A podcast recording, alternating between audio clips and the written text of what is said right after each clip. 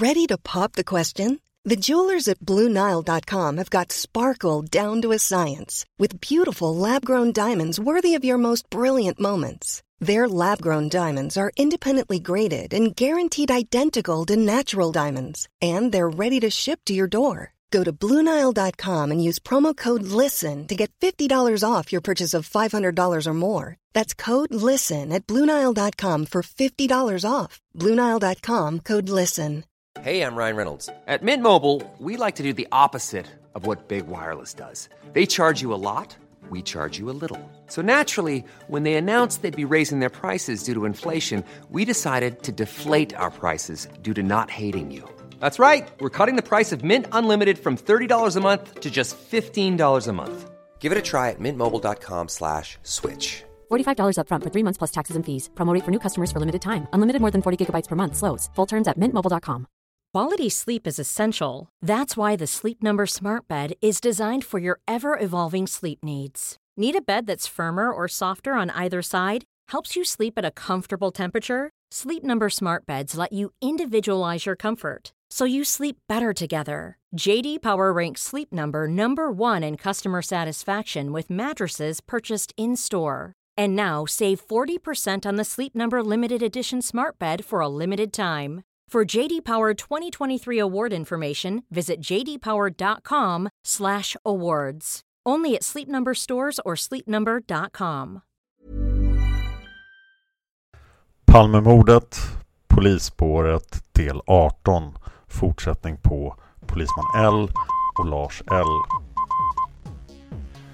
Sveriges statsminister Olof Palme är död. 90 000. Ja, det är mord på Sveavägen. Hörde de säger att det är Palme som är skjuten. Mordvapnet med säkerhet är en Smith Wesson, en revolver kaliber .357. Inte ett svar. Finns inte ett svar. För jag har inget. Och jag har inte varit Varför skulle jag göra Polisen söker en man i 35 till 40-årsåldern med mörkt hår och lång mörk rock. Den här podden görs i samarbete med er lyssnare. Om ni känner att ni vill bidra till att podden ska fortsätta komma, kunna komma ut varje vecka så kan ni göra det via patreon.com palmemordet eller via swish. Vill ni swisha så skicka ett meddelande till Palmemordet på Facebook så får ni telefonnumret. Och kom ihåg att märka era swishar med Palmemordet eftersom jag gör ett antal poddar så jag vet vilken podd det är som fick donationen. I förra avsnittet så hände det någonting i Norrköping den 5 mars 1986. Och det är ju ganska oklart vad polisman L och författaren Lars L har för sig. Men vi har en källa kvar och det är förstås Lars Ls roman som ju går ut på att peka ut polisman L som åtminstone medansvarig för Palmemordet. Eller att polisman L hade någon form av kunskap om Palmemordet som skrämde Lars L. I polisman Ls JO-anmälan så nämnde han ett arrestantblad som hade upprättats i Norrköping. Och det här kontrollerades av Marianne Larsson som jobbar för riksdagens ombudsmän, det vill säga justitieombudsmannen. Hon säger enligt eh, telefon med kriminalkommissarie Nils Nilsson vid Polismyndigheten Norrköping finns det inte något arrestantblad upprättat beträffande polisman L eftersom denne endast varit inne för identitetskontroll. Den dokumentation som finns angående händelsen bör finnas på säkerhetssektionen. Och nu tillbaka till Lars Ls dokumentärroman. Han och polisman L kör ifrån Stockholm. Det är polisman L som kör och Lars L ligger och sover i limousinens rymliga kupé bak. Men då blir det problem med motorn. Det väcker Lars L och de stannar och de försöker komma fram till vad som är fel. De konstaterar att en stång till gasreglaget är trasigt och de kan inte fortsätta. De är 10 kilometer från Norrköping ungefär, tror polisman L. Och den här mannen som vi ju vet att de stoppar mitt i vägen. Han finns inte med i Lars Ls roman utan de kommer direkt till en mindre bondgård som har några lador och magasin. Polisman L börjar reparera bilen men Lars L känner att han borde prata med folket på gården. Så han går och gör det för han tycker att det ser illa ut att bara köra in på en gård utan att tala om varför. Och nu läser jag från Lars Ells roman, sid 47. Och jag får påminna om att i romanen så heter Lars L Patrik och polisman L heter Jack Smiter. Patrik möts av vänliga människor i huset. Han blir bjuden på kaffe och bullar. Men tiden går och Jack tycks ha problem. Så kommer då Jack in i huset pustande och småsvärande insmord med olja och rufsig. Jag måste svetsa. Finns det någon svets på gården? Vänta ska jag höra med min man, svarar bondmoran. Och den här bondmoran måste då uppenbarligen vara vittnet Y som vi pratade om i förra avsnittet. Boken fortsätter. Patrik får låna telefon. Han ringer upp polisen i Norrköping för han tror inte att Jack kommer att klara av det här. Han pratar med polisen i Norrköping. Han berättar att han är på en resa söderut med en stor Mercedes tillsammans med en kriminalintendent från Stockholm.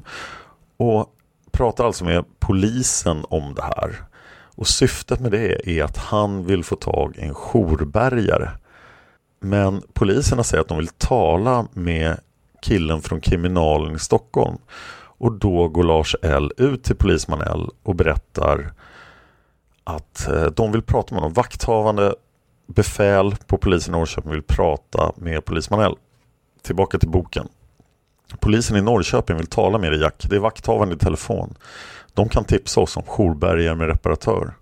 För tydligen finns det inga telefonkataloger i Norrköping. Vad fan säger du Patrik? Varför i helvete blandar du in polisen för? skriker Jack med pipig röst högt i falsett. Han går med ilskan steg in till telefonen. Det står så. Sliter tag i luren. Ja, hallå, det är någon missförstånd. Glöm det här. Och sen slänger Jack på luren. Jack är mörk och högröd i ansiktet av ilska med arg röst till Patrik. Du ger fan i att ta kontakt med några poliser, har du förstått det? Förlåt så mycket Jack, jag visste inte att du var rädd för dina kollegor. Snacka inte massa skit nu Patrik. Nu går jag ut och drar ihop gasarmen med ståltråd. Och sen sticker vi härifrån. Och du ringer inget mer, hör du det? Efter någon timme kommer Jack in. Det är fixat, nu kör vi, skynda på Patrik. Jack verkar stressad och nervös. Patrik kan inte fatta vad som har hänt. Och här behöver vi reflektera över hur väl det stämmer med vittnets uppgifter. Det var en svets, det var ståltråd, men vittnet Y uppger bara att de var på hennes gård. Inte i alla fall i någon timme. Polisman L och Lars L lämnar gården och kör mot Norrköping och då händer följande. Nu läser jag från Lars Ls roman igen. Patrik kör bilen mot Norrköping, saktar ner farten vid första rondellen, rundar den långsamt. Strax efter rondellen står två målade bilar och väntar. Blåljusen slås på. Poliser med spadar stiger ut i körbanan. Patrik kör till sidan och parkerar. God afton mina herrar, vad gäller saken? Det är en rutinkontroll bara. Patrik öppnar dörren, stiger ur bilen, lämnar över sitt körkort till polisen. Varsågod, här är mitt körkort. Bilen är skattad och försäkrad och den ägs av mitt förlag. Ja, det är bra, men vem är det som sitter i baksätet? Det är en kamrat till mig. Vi är på resa söderut. Vi vill bara snacka lite med honom, sen kan ni fortsätta resan. Jack sitter i en konstig spänd ställning mitt i baksätet. Han är högröd och mörk i ansiktet. Han håller båda händerna hårt om huvudet och lutar sig framåt. Jack tiger och svarar inte på frågor från poliserna. Läget börjar bli kärvt. Tiden rinner iväg. Då söker Patrik upp det yttre befälet. Får jag tala med dig lite avsides? Ja visst, kom med hit bort. Befälet och Patrik går bort från bilarna. Jo, säger Patrik. Min kamrat är kriminalintendent vid Stockholmspolisen. Det var som fan. Varför klämmer han inte fram det då istället för att hålla på och tjafsa bort tiden så här? Ja, fråga inte mig. Jag fattar inte, svarar Patrik. Befälet går bort till limousinen och tilltalar Jack. Får jag se ditt lägg? Du är ju för fan kriminalen i Stockholm. Jag har ingen anledning att visa något lägg, svarar Jack med hes röst. Är det sant att du är kriminalare? frågar befälet. Det svarar jag inte på. Jag är passagerare i den här bilen och det angår inte dig vem jag är. Polisen har överläggning och tar även radiokontakt med sina befäl. Efter en stund kommer de tillbaka. Två man släpar ut Jack ur limousinen och placerar honom i en av de målade bilarna. Och här skriver även Lars L upp registreringsnumren på de här två målade bilarna av anledning. De kör till polishuset i Norrköping och boken fortsätter. Patrik får klä av sig helt naken. Han lämnar ifrån sig alla lösa föremål. Sen förs han in i en cell. En ståldörr slår igen med en skarp knäpp. Skönt, tänker Patrik. Nu får jag vila upp med en stund. Han lägger sig naken på britsen, drar en luddig sträv grå filt över sig och somnar in. Efter två timmar knäpper det i metalldörren. Den slås upp på vid gavel och in kommer två polismän. Upp med dig, du ska iväg nu, skynda dig på. Va, får jag inte sova längre på hotellpolisen, säger Patrik skämtsamt. Det är bråttom, din kompis väntar på dig, ut och klä på dig. Patrik går till receptionen vid intagningen. Där är det full trängsel av poliser, även några kvinnliga poliser. Patrik känner sig fånig där han står spritt naken i folksamlingen. En lapp sätts i handen på Patrik. Skriv under här. Kvittera dina grejer, fort det är bråttom. Patrik blir konfunderad. Han kan inte förstå all brådska och jäkt och inte varför det är så många poliser runt om honom. Någon trycker ett klädbylte i Patriks famn och nästan knuffar honom genom dörren ut till betonggaraget. Ge fan i att knuffa mig, jag ska klä på mig. Det får du göra i garaget. Nu kastas Patrik ut i garaget och en polis slänger kläderna efter den nakne Patrik. Patrik börjar sakta och omständigt klä på sig, omgiven av flera poliser som ser på. Äntligen är han färdig med påklädningen. Mina grejer då, ropar Patrik mot dörren in till intaget. De kommer här, ta emot! En plastpåse kommer farande genom luften med fart och den träffar Patrik i bröstet. Tack, ropar Patrik. Ingen orsak. Ge dig iväg nu. Kompisen väntar på dig med motorn igång. Så ser Patrik sin Merca. Den står en bit bort i garaget med motorn dånande och Jack sitter bakom ratten. Skynda dig på Patrik, nu sticker vi ifrån det här jävla stället. Patrik skyndar sig fram till bilen. Då skriker en av polismännen efter Patrik. Varför har ni massa tidningsklipp om Palme i bilen? Det har inte du med att göra, skriker Patrik tillbaka. Patrik öppnar den högra framdörren, går in i bilen och sätter sig bredvid Jack. Tjenare Jack, hur har du haft det? Håll käften, nu kör vi. Och de kör iväg. Först genom Norrköping och sen föreslår Jack att de ska ta E68 mot Karlskrona. Och Jack säger att han har blivit utsatt för ungefär samma behandling. Då frågar Patrik, men du Jack, vad handlar det här i Norrköping egentligen om? Jag låg bara naken i en cell några timmar, inga förhör eller någonting. Och sen kastade de ut mig och slängde kläderna efter mig. Jo, det ska jag säga dig Patrik. Du får ge fan i att dra polisen på oss. Först ringer du till polisen från bondgården och sen talar du om för kamraterna de målade bilarna att jag är kriminalare. Ja, sen var det kört. Men du är ju kriminalare, eller hur?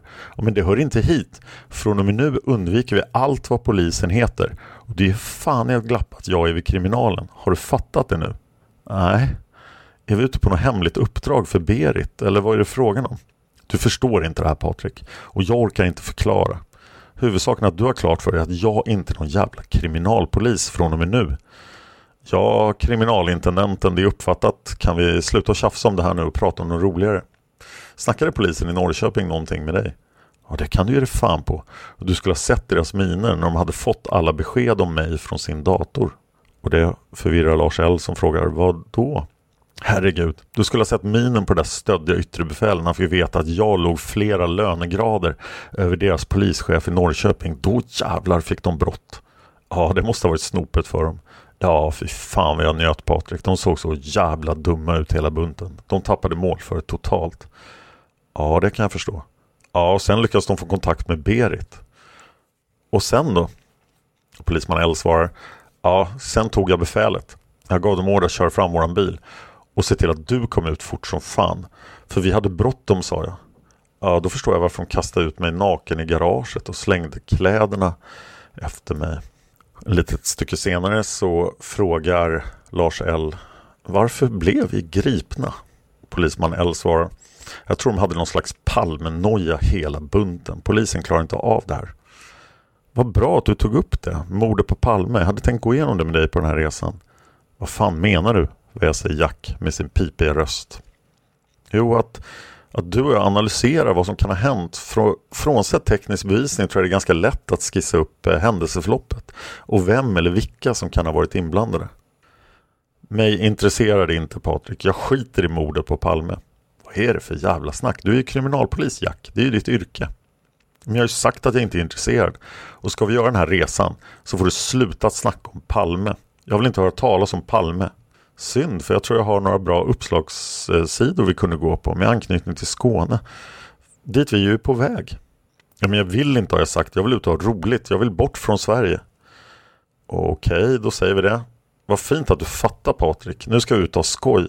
Fina hotell och fruntimmer. Resan fortsätter och polisman L får Lars L att ringa ett väldigt förvirrat samtal till TT, alltså tidningarnas telegrambyrå.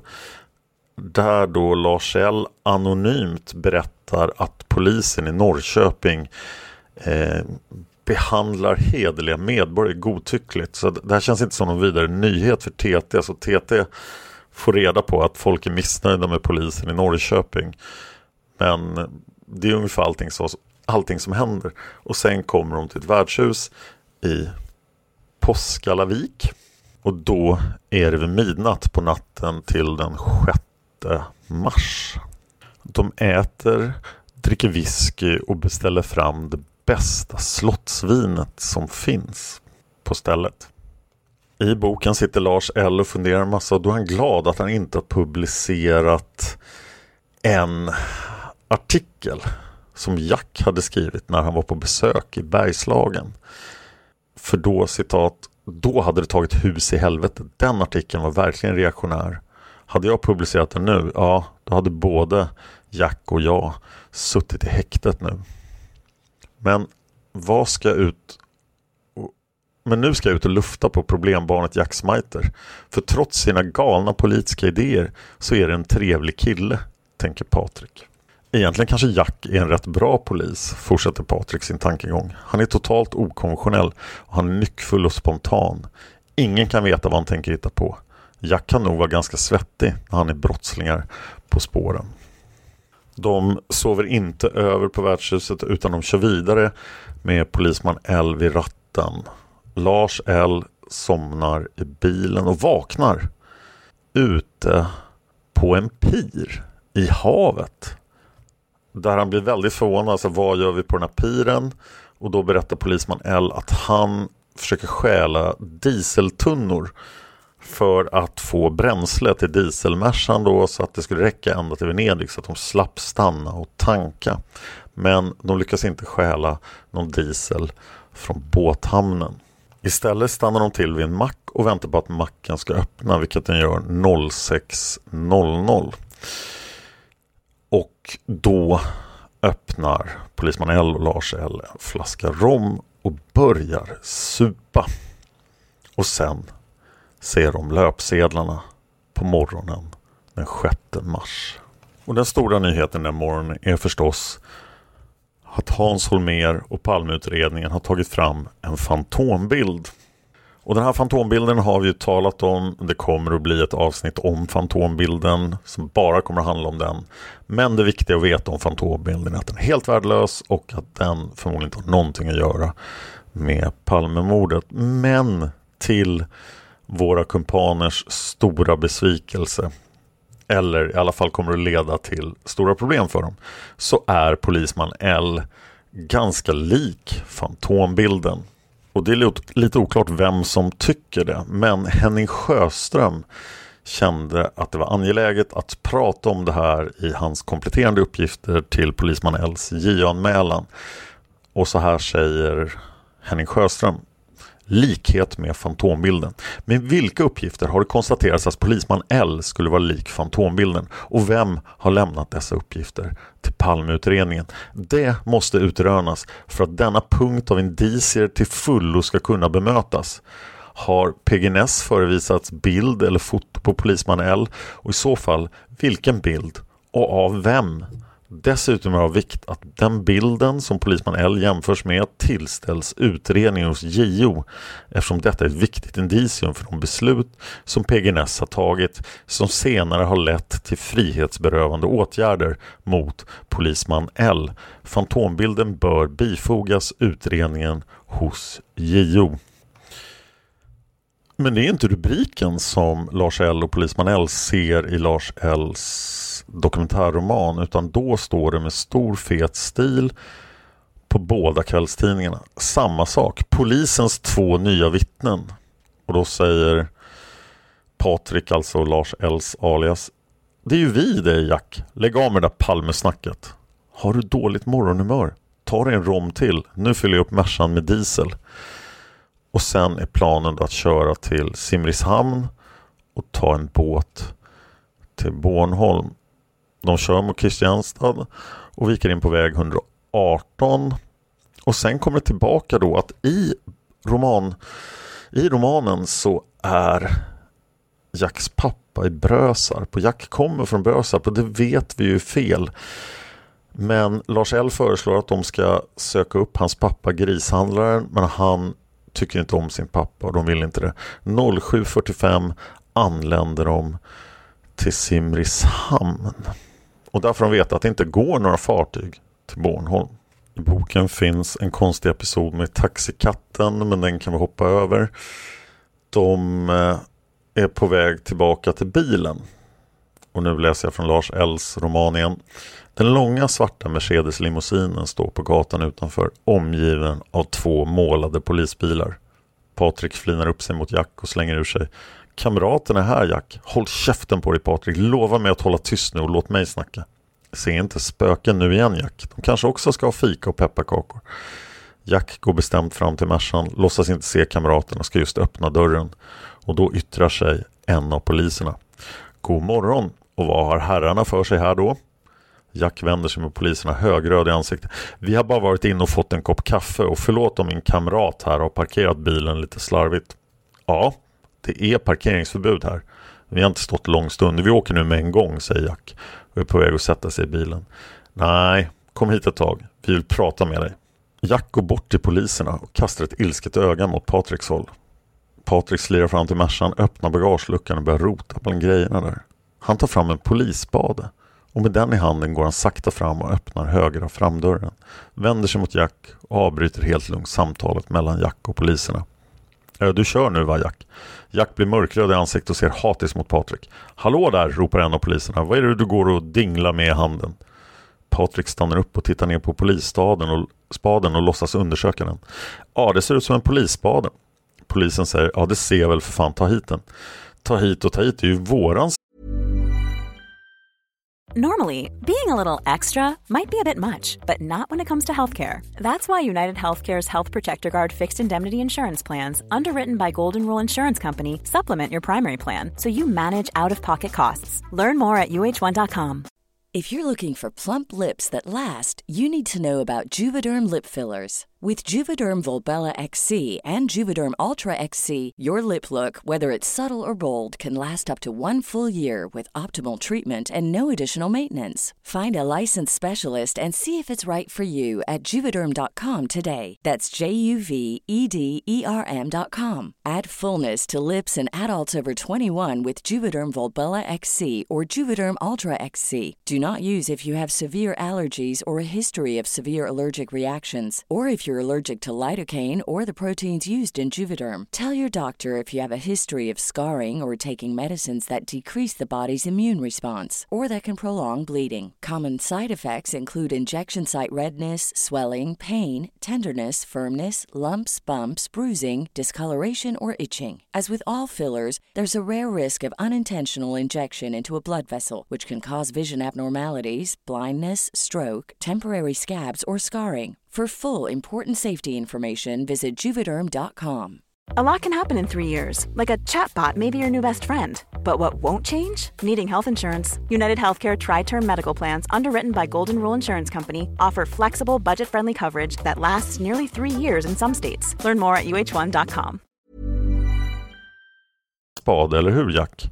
Jack ser nu fullkomligt vansinnig ut. Det här blir värre och värre, säger polisbefälet. Jag tror faktiskt vi får lov att bjuda hem herrarna till polishuset på kaffe. Jack blir ivrig, pustar och stönar, börjar gräva i sina fickor. Han tycks leta efter något. Då är det lika bra att jag säger som det. Jag är kriminalintendent vid Stockholmskriminalen. Yttre befälet studerar noga Jack. Jaså du? Och du far runt vid den här tiden nere i Skåne i en lyxlimousin med helt mörka rutor. Det är inte min bil, pustar Jack och håller båda händerna om huvudet. Men vems är bilen då? Det är min kamrat här. Är han också polis? Nej, han är journalist och tidningsutgivare. Ja, svarar polisen. Men det här börjar låta riktigt intressant. Nu vill jag bara fråga dig en sak. Varför legitimerar du inte med en gång och talade om att vi var kollegor? Då hade vi sluppit stå här och tjafsa bort en massa tid. Får jag se din legitimation nu? Jack pustar och suckar. Han är svartröd i ansiktet och till slut väser han med pipig röst. Jag har glömt min legitimation hemma. Strålande. Brukar ni göra så här vid Stockholmskriminalen? Jack svarar inte. Han ser helt deprimerad ut. Patrik sitter i Mercan med dörren öppen. Dinglar med sina långa ben, småvisslar och ser helt obesvärad ut. Polisbaden håller han ömt i famnen som en bebis. Patrik vänder sig mot Jack. Kan vi sticka till Venedig nu Jack? Det börjar bli långtråkigt med det här tjafset. Här ska inte åkas till Venedig, fräser befälet och fortsätter. Om herrarna vill vara så vänliga att åka efter oss till polishuset och parkera snyggt där och sen går vi in och kollar upp den här historien med polisen i Stockholm. Polisman L är förstås inte glad över det här men de tas in till polisstationen. PG Ness skriver i sin rapport följande om incidenten i Simrishamn 1986 0306 klockan 08.40. Vid förenämnda tidpunkt anträffades Mercedesbilen på Järnvägsgatan i Simrishamn. En polispatrull hade sänts dit i anledning av inkomna tips om att fordonet framförts i staden med personer som betedde sig misstänkt. Fordonet var uppställt på plats där stoppförbud rådde. Vid fordonet i färd med att utföra någon slags omlastningsprocedur uppehöll sig polisman L och Lars L Lars L kom vid tillfället med en stoppspade som han hade hämtat inifrån bilen för att lägga den i bagageutrymmet. Polisman L uppgav sig vara anställd vid kriminalpolisen i Stockholm och uppgav att han hade fått med sig stoppspaden av misstag från sin egen bil. Då polisman L inte kunde uppvisa någon polislegitimation medföljde de båda till polisstationen för identitetsfastställelse. Denna identitetskontroll genomfördes efter kontakt med polisman Ls rotelchef vid kriminalpolisen i Stockholm. Under vistelsen på polisstationen framkom uppgifter att någon av Lars L eller polisman L skulle ha en stuga på Österlen som de var på väg till och de skulle sen åka upp till Bergslagen. Nu angivna information meddelas mig vid 11-tiden på förmiddagen. Jag hemställde då att Simrishamnspolisen skulle söka fastställa om polisman L och Lars L fanns på den plats som hade angivits av dem. Senare under dagen inkom besked om att de icke icke fanns där. Det hör till saken att polisman L har inga synpunkter på det här ingripandet i Simrishamn så det ingår inte i JO-anmälan. Lars Berg Borgnäs säger bara i En iskall vind följande. När de sedan släpptes, alltså från Norrköping, åkte de vidare till Simrishamn där de övernattade i bilen och så iakttogs av vittnen och därefter åkte de vidare mot Köpenhamn. Jag har försökt kolla upp det här om färjan från Simrishamn till Bornholm och det verkar vara en problematisk historia. Den har ställts in och lagts ner flera gånger. Eh, så att den här historien verkar tro det. men det är väldigt oklart vad de skulle till Bornholm att göra. Om målet var Venedig. Men i sin bok är Lars L väldigt envis med att de skulle till Bornholm. Vitboken har en annan teori om vad de gjorde. Det är inte ens en teori, det är bara en antydan. Men vitboken skriver i trakterna kring Sjöbo och Simrishamn i Skåne bygder som polisman L och Lars L besökte på sin mystiska resa. Där den i mordutredningen förhörde så kallade 33-åringen, alltså Viktor Gunnarsson, hade lärartjänst och flickvän. Och där baseballpoliserna, polisman D och polisman E hade sina rötter.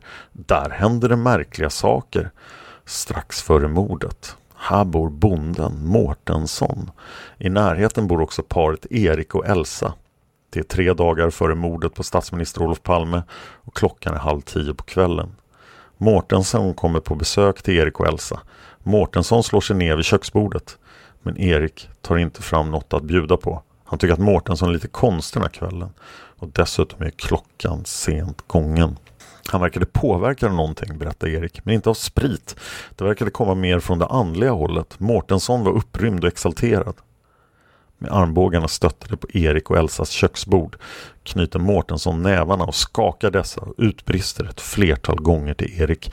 Nu jävlar ska den där Palme skjutas. Innan lördag kommer han att vara död. Han kommer att vara skjuten av kulor och krut som om nödvändigt kommer att tränga igenom den skottsäkraste av västar. Jaha, tänker Erik. Nu gäller det att få iväg honom. Elsa har från sovrummet hört Mårtenssons upprymda röst men inte hört vad det handlar om. Erik får iväg bonden Mårtensson, går och lägger sig och tänker inte vidare på saken. Den kvällen. Men det biter sig kvar i skallen på Erik. Någon dag senare kommer industriarbetaren Arne L från Ystad in till Erik för att köpa ägg. Det är en, kanske två dagar innan Olof Palme mördas.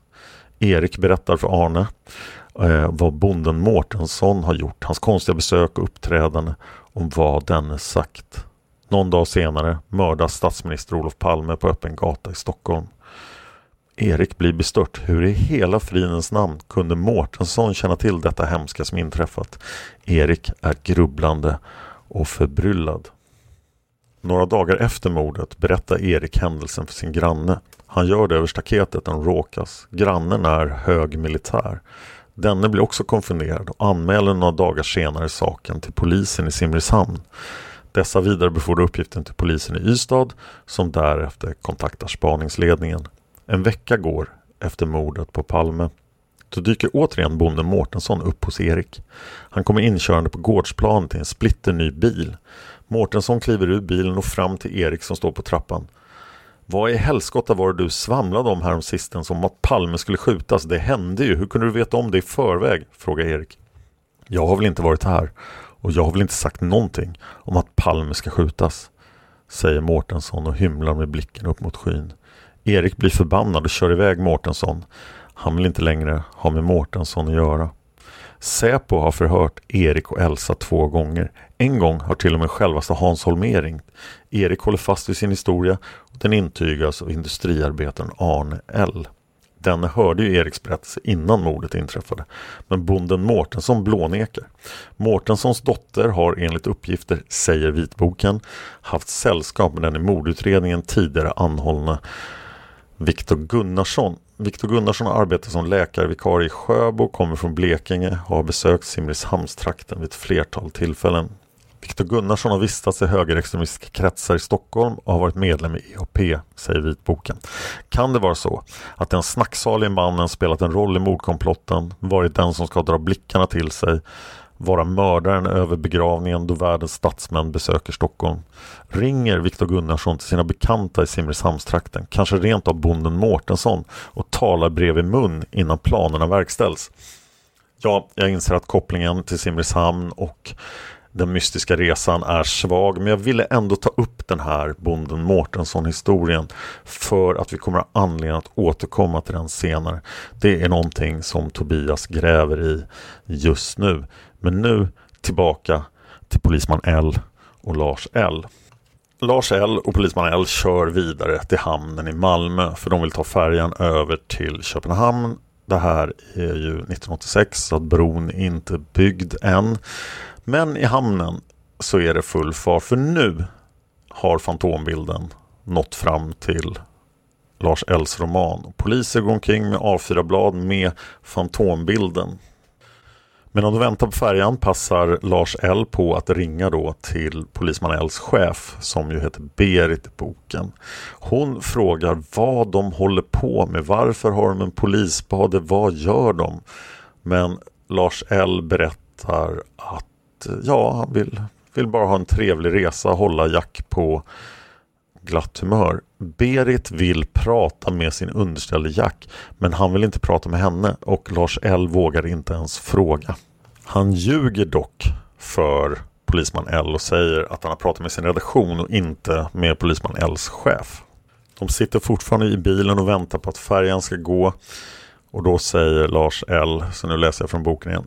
Snart kommer kamraterna och tar oss Jack. Har du inte sett att de springer runt här med ett foto i handen och det ser ut som du Jack? Nu håller du käften Patrik. Snart är vi borta från det här skitlandet. Snart är vi i det fria Danmark. Det blir en mycket stökig överresa till Danmark. Mycket snaps och mycket dansk bir. Patrik försöker på alla sätt hålla igen, men Jack är alldeles vild. Patrik börjar så smått ångra resan. Han känner att han inte klarar av Jack. Han kan inte fatta vad som har hänt med Jack. Han verkar som en helt annan människa än den Patrik är van vid. Jack har varit och hämtat bricka efter bricka med ett halvdussin snaps varje gång och massor av dansk bir. Äh, vi har inte ätit så mycket mat, tänker Patrik. Fartyget närmar sig Dragörs hamn. Vi är nog rätt fulla, tänker Patrik. Sanningen är nog den att vi är rätt så skitfulla. Frågan är om man inte rent av kan säga att vi är jävligt skitfulla, vi är packade. Men det får den där smällfeta kriminalintendenten klara av. Jag lägger mig i baksätet och sover. Patrik vinglar ner till bildäck och lägger sig bak i limousinen och somnar in. Men Jack har med sin oemotståndliga charm lyckats skaffa en nykter chaufför, Mats Wollenberg, som bor på Sölvesborgsgatan i Malmö. Mac, Mats kör limousinen med de avslocknade kumpanerna Jack och Patrik och lämnar av dem vid Palace Hotel i Köpenhamn. Ställer in limousinen i hotellets garage och hjälper upp Jack och Patrik till ett stort lyxrum. Och han skriver några rader i Patriks dagbok. Han skrev Fullt ös medslös, lycka till, chauffören Mats. Och Patrik duschar och somnar. Det här är alltså fortfarande på förkvällen, sen eftermiddag. Medan Jack går runt och dricker ren sprit. Säkerhetspolisen är de på spåren dock. PGNS berättar följande. 1986 03 06 klockan 14.30. Polisen i Malmö meddelar mig att en Mercedesbil med angivna karaktäristika utpasserat med färja till Köpenhamn vid 12-tiden samma dag. Ytterligare framkomna omständigheter. Under tiden före nämnda händelser utspelade sig publicerades Fantombilden 1986 03 06. Ett vittne framträdde då och uppgav att två personer en till två dagar innan Alva Myrdal 1982 80 1986 0201 avled besökte sjukhus där de vårdades. En av männen företedde likheter med Fantombilden. Vittnesuppgifter om männens förehavande kunde ha betydelse för mordutredningen då besökarna sökt efterforska om Olof Palme väntades besöka Alva Myrdal därstädes. Vissa detaljer i vittnets beskrivning av den ena av personerna stämde in på vissa signalementsuppgifter på polisman L som jag erhållit av bland annat Norrköpingspolisen. Detta påkallade behovet att konfrontera ögonvittnet med polisman L. De nu nämnda omständigheterna föranledde mig att besluta dels att Mercedesbilen skulle spärras vid inpassering i Sverige via Malmö och dels att polisman L och Lars L vid eventuell inpassering skulle hämtas till förhör och införas till polisstationen i Malmö. Detta bedömde jag vara lämpligare än att föra dem till säkerhetssektionen då möjligheten att där genomföra en urvalskonfrontation saknades. Så på order från den operativa chefen för Säkerhetspolisen kommer nu Malmöpolisen att frihetsberöva polisman L och Lars L när de kommer tillbaka till Malmö. Men de har ju ingen aning om när polisman L och Lars L kommer tillbaka till Malmö. De är ju faktiskt på väg till Venedig. Lars Borgnäs skriver i En iskall vind. På hotellet i den danska huvudstaden där de två kamraterna delade rum vaknade enligt Lars L polisman L mitt i natten och utgett sig i en flera timmar lång monolog. Han grät och talade oupphörligt om Olof Palme. Lars L tolkade det som att han var ångerfull av detta drog Lars L slutsatsen att polisman L på något sätt hade varit inblandad i attentatet. I dokumentären Polisspåren del 3 av 3 som finns på Youtube så kan ni se Lars L där han berättar om den här natten. Och där säger han att polisman L mässade i säkert minst en timme som en överstepräst om Palme. I sin bok skriver Lars L att de under kvällen då besöker dussintals med krogar och nattklubbar. Pengar rinner iväg och att då han har tappat helt kontrollen över polisman L. Polisman L talar och skroderar med alla han möter. Han berättar vilda planer och allt han ska göra. och han saknar varje förankring i verkligheten.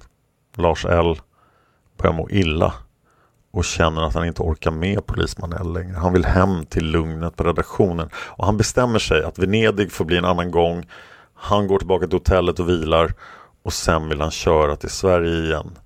Men han vaknar klockan 04.00 fredagen den 7 mars av att polisman L kommer tillbaka till rummet. Och sen börjar han då prata om Palme. Och det här är vad som står i Lars Ls dokumentärroman. Det blir en overklig, konstig stämning in i rummet. Jack börjar en konstig, mässande monolog. Låter som en katolsk padre som läser upp ramsor med monoton stämma. Han är totalberusad, tänker Patrik. Jack mumlar hela tiden på utan uppehåll, osammanhängande och virrigt. Det låter som en galning på ett dårhus.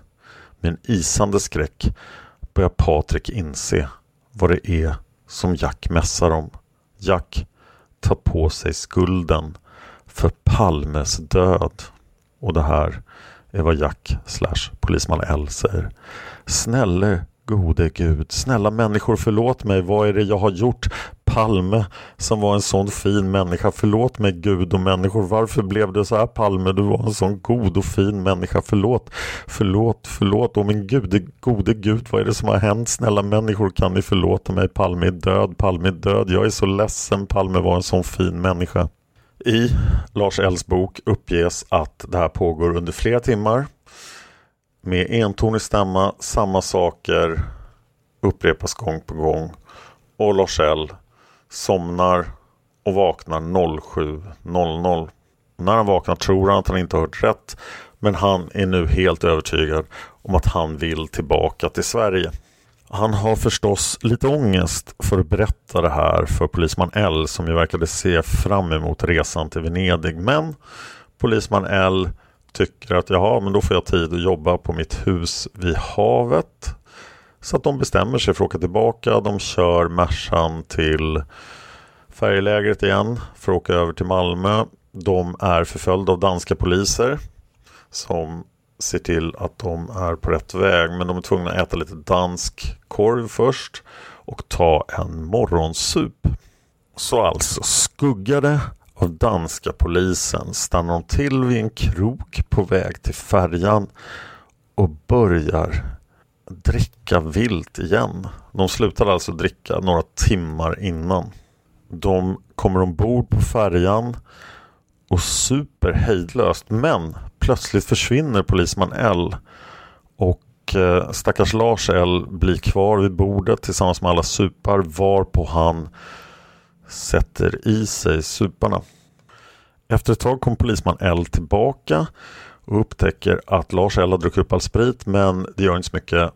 Polisman L har med sig en ny vän och, nu, och en massa sprit. Och nu läser jag från Lars Ls roman igen, sid 65. Får jag presentera vår nya vän för dig Patrik? Han heter Christer Karlsson. Han är en bondspojke från Karlshamn.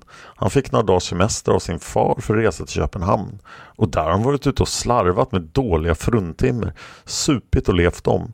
Och så till sist blev han rejält nedslagen och rånad på alla pengar och papper och danska polisen satte honom på färjan.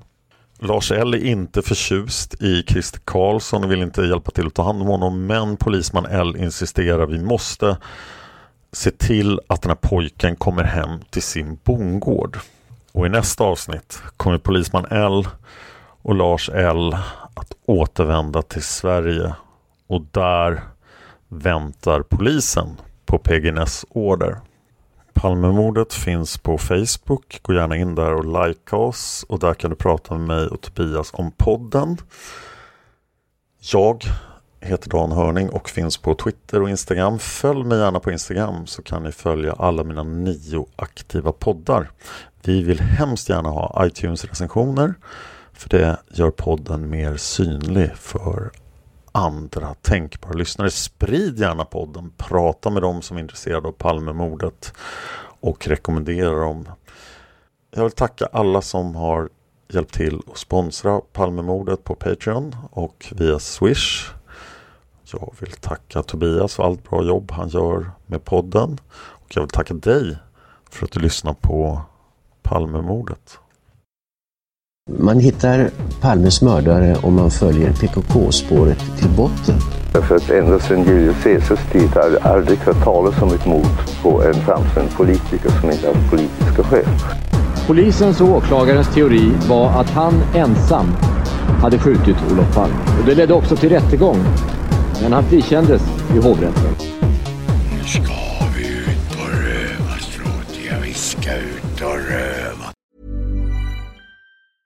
Hi, I'm Daniel, founder of Pretty Litter. Did you know cats tend to hide symptoms of sickness and pain? I learned this the hard way after losing my cat, Gingy. So I created Pretty Litter, a health monitoring litter that helps detect early signs of illness by changing colors, saving you money and potentially your cat's life. Pretty Litter is veterinarian developed, and it's the easiest way to keep tabs on your fur baby's health right at home. Go to prettylitter.com and use code ACAST for 20% off your first order and a free cat toy. Terms and conditions apply. See site for details. A lot can happen in three years, like a chatbot may be your new best friend. But what won't change? Needing health insurance. United Healthcare Tri Term Medical Plans, underwritten by Golden Rule Insurance Company, offer flexible, budget friendly coverage that lasts nearly three years in some states. Learn more at uh1.com. Even when we're on a budget, we still deserve nice things.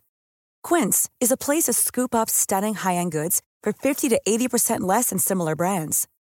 They have buttery soft cashmere sweaters starting at $50, luxurious Italian leather bags, and so much more. Plus, Quince only works with factories that use safe, ethical, and responsible manufacturing.